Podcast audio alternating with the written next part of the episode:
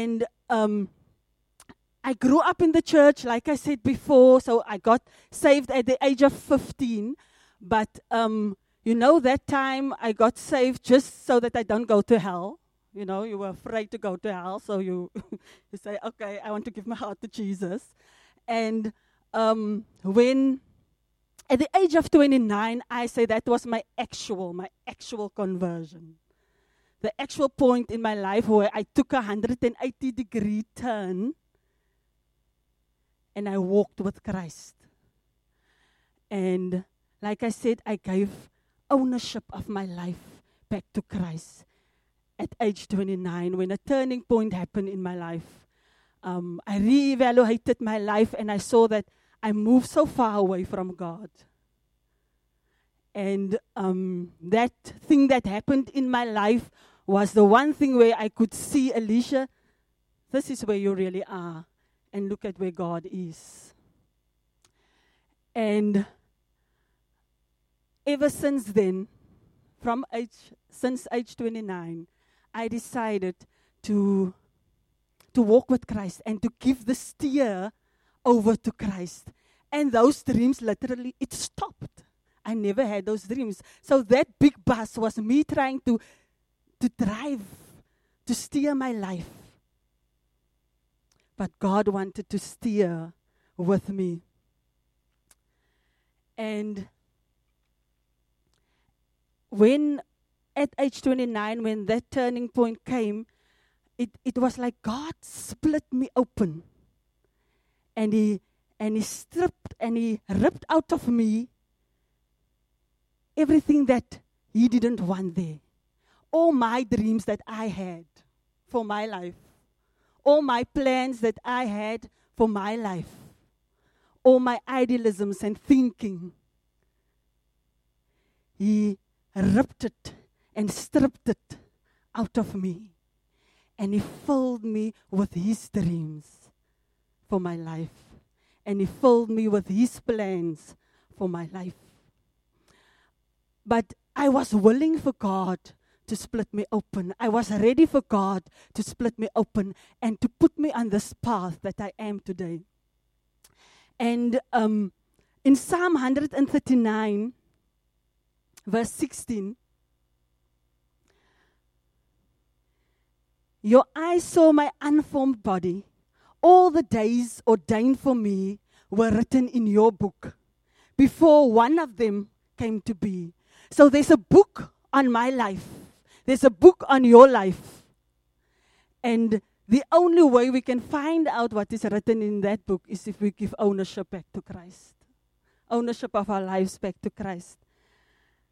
And if we allow God to really split us open and really take out that which He doesn't want there and to fill us with, with what He wants. Because God has an assignment for, for each and every one of us in this generation. As we look out there, we see in this world, it is crazy. It's like, it's like people just went crazy. When you open the newspaper, the stories that you hear when, when we were in the 1980s, you would have never read stories like that. So we are needed in this generation. And amongst the people in our sphere of influence. In the Bible, there, there are many stories of um, real, real, life, real life stories of people who God gave assignments in different generations. But these people, they first had to be willing for God to also split them open and to strip them and rip them from their plans and their agendas. And I'm going to highlight three of those stories, which, in my opinion, are three of the stories where God had to bring people to a turning point in their life. And um, we're going to read in Exodus 3, verse 7. So, this is the story where Moses is in front of the burning bush. And I'm going to read from verse 3, uh, from verse 7. And the Lord said, I have indeed seen the misery of my people in Egypt. I have heard them crying out because, this, because of their slave drivers, and I am concerned about their suffering. So I have come down to rescue them from the hand of the Egyptians and to bring them up out of the land into a good and spacious land, a land flowing with milk and honey, the home of the Canaanites, Hittites, Amorites, Perizzites, Hivites, and Jebusites. And now the cry of the Israelites has reached me, and I have seen the way the Egyptians are oppressing them. So now go. I am sending you to Pharaoh to bring my people, the Israelites, out of Egypt. So Moses had his burning bush moment to get his assignment. But, but before Moses' burning bush moment, there was a turning point in his life because remember, Moses grew up in the palace. Pharaoh's daughter took Moses from the river and he grew up in the palace. And um, Moses' turning point came in his life when he killed an Egyptian shoulder, soldier. And um, I'm going to read in Exodus 2, uh, we're just backing up a bit, Exodus 2, um, verse 14 and 15. And this is where the Hebrew slave actually told uh, Moses that I saw what you did to the Egyptian soldier. The man asked, Who made you our ruler and judge? Are you going to kill me as you killed the Egyptian? Then Moses was afraid and thought that everyone knew what he had done. When Pharaoh heard what Moses had done, he tried to have him killed, but Moses fled from Pharaoh and settled in the land of Midian. So Moses had to leave the comfort of the palace, the wealth and the power that went with growing up as a son in the palace of Pharaoh. And, and, and this turning point had to come into, into Moses' life. And God had to split Moses open. And, and, and rip him from his, his own agenda because Moses' agenda was probably to be comfortable in the palace and to stay in the palace. And everything that Moses went through up to this point where he now stood before the burning bush was necessary for him to be equipped for his assignment. Growing up in the palace, he knew the protocol how to approach the king. So when, when God sent Moses to Pharaoh, Moses grew up in the palace, so he knew the protocol that went with approaching a king. And after he left the palace and ran to Midian, he was in, in, in the desert for 40 years. Got married, had two children.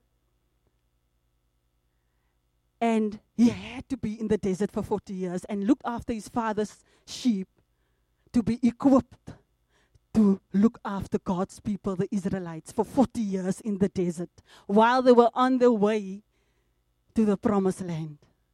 So everything that Moses went through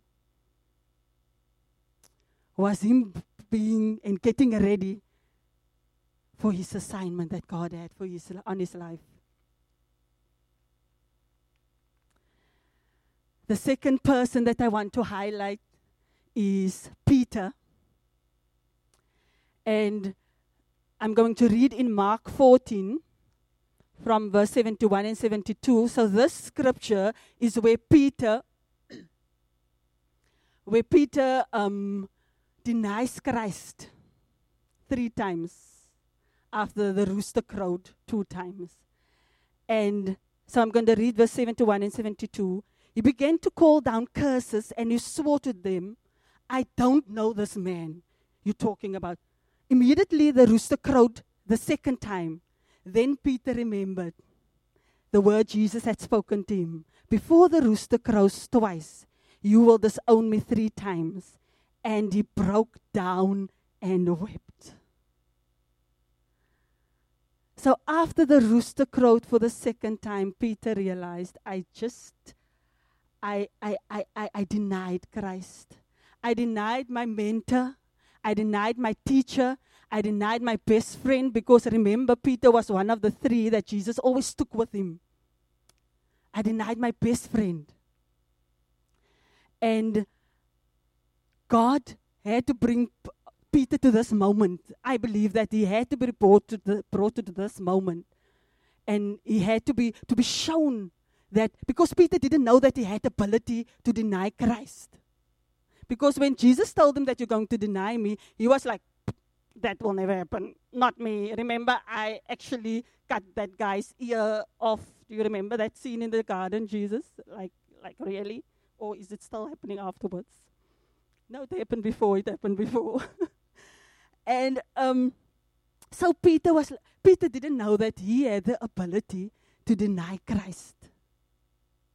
So God had to show him, but that was also it was needed for Peter. That moment was needed because the day of Pentecost came after Jesus um, rose um, back or ascended back to heaven. But before Jesus ascended to heaven, he told Maria, when Maria got to the grave and the grave was empty, he told Maria, Go and tell the disciples and also Peter that I have risen. So, according to us, Peter was a disciple.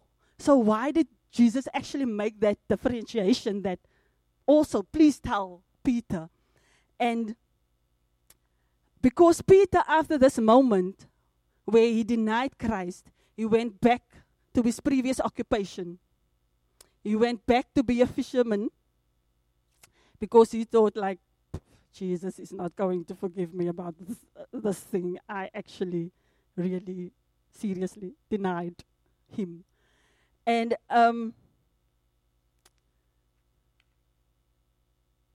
so when when Jesus was now gone and it's the day of Pentecost and they were hiding the 120 they always call them the 120 were hiding in the upper room and the Holy Spirit came over them, tongues of fire, and that whole story. You know the story in Acts, Acts 2.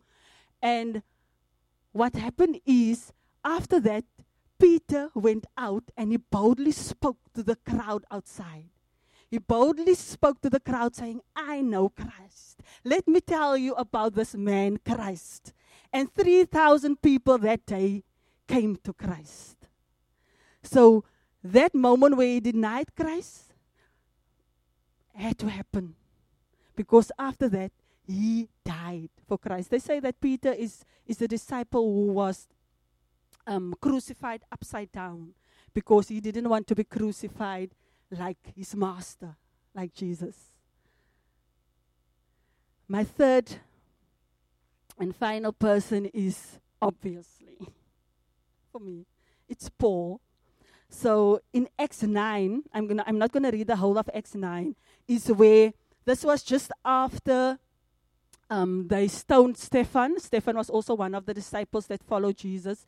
And um, they stoned Stephen, and Saul, that person, that young man that was standing there watching how they killed Stephen, Saul actually went afterwards. He was fueled. And he's like going to the high priest and saying, Please give me letters to go to Damascus and to go find out if there are any Christians there in the synagogues and so that I can please go and imprison them.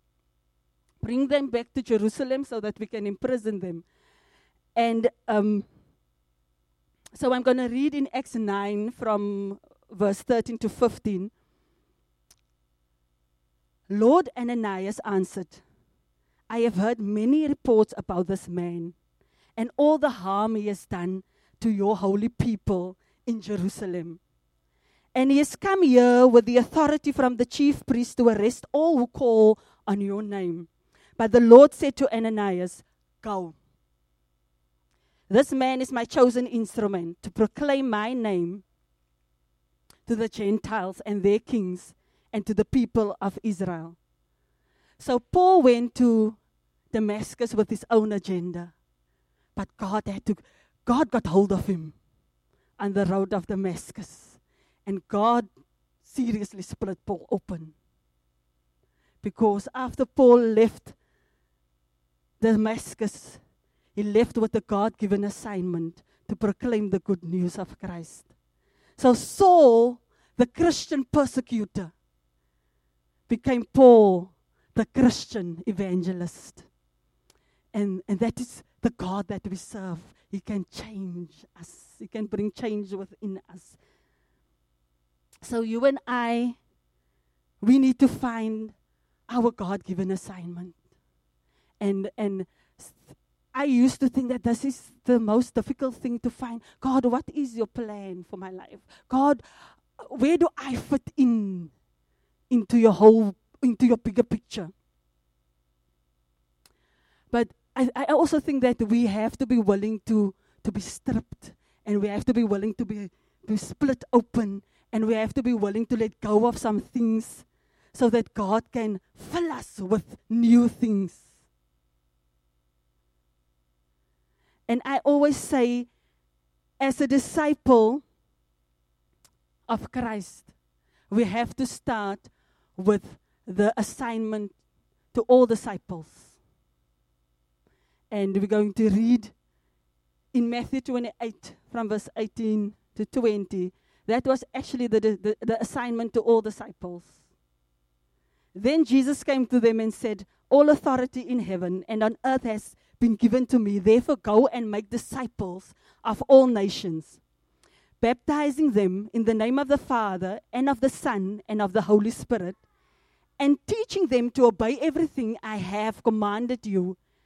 And surely I am with you always to the very end of the age.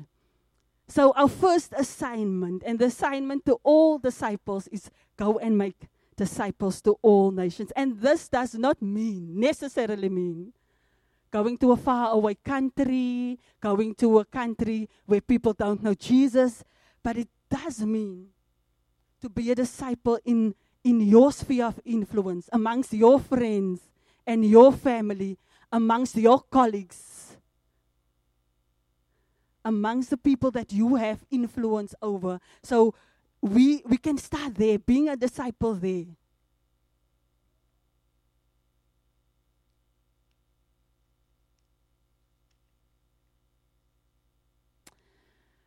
So, as God used Moses, Peter, Paul in their generations, He wants to use us in this generation because our world and our people are dying out there. They, they're hopeless, they have nothing to hold on to, but there's hope for them because we are here.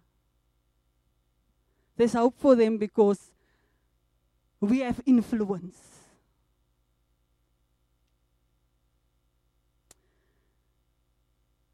So if we receive our assignments from God, if we really allow God to split us open and to strip us from our own agendas and to allow God to fill us with His assignment, I believe that there would be less children going to sleep hungry.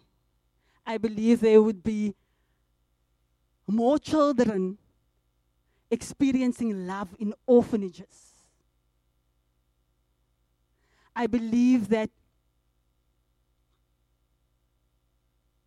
there would be more. P- I believe that there will be people that, that you can stand next to that's broken.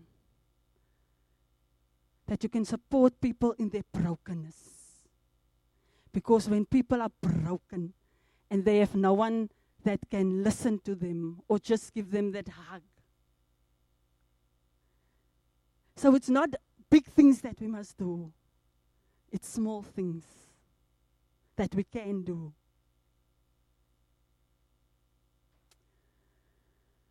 So, to me, the crux of being a Christian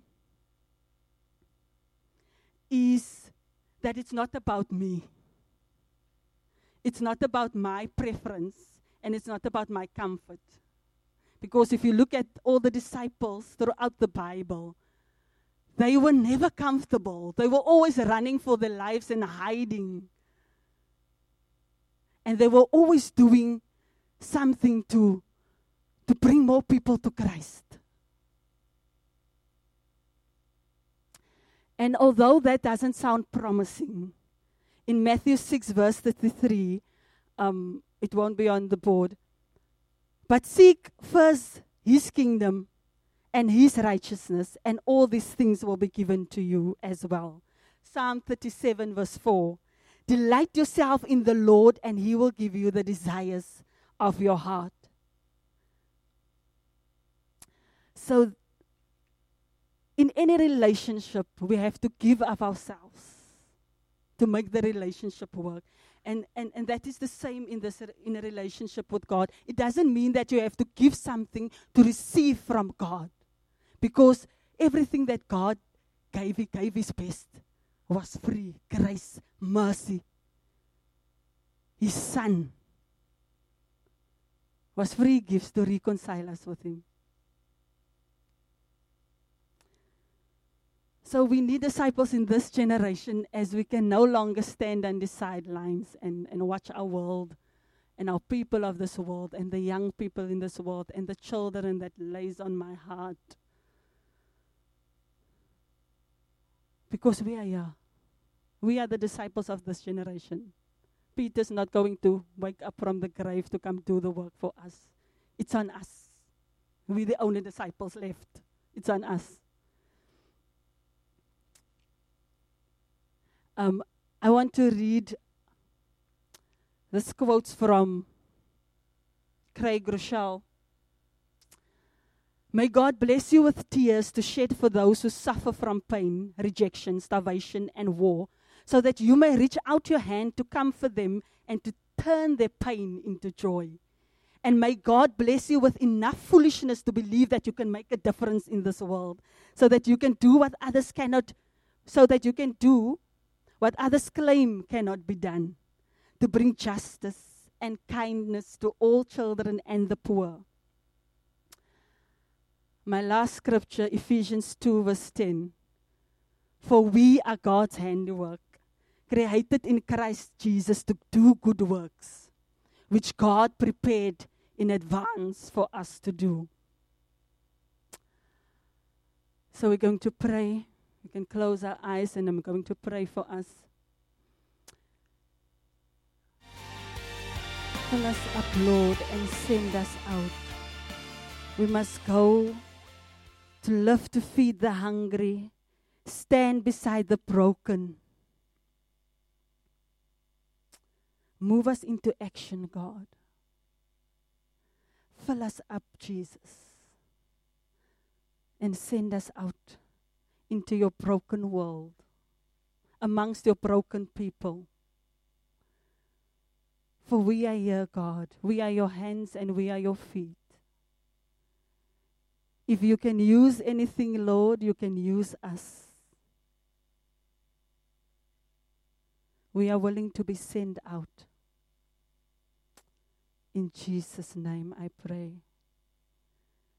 Amen.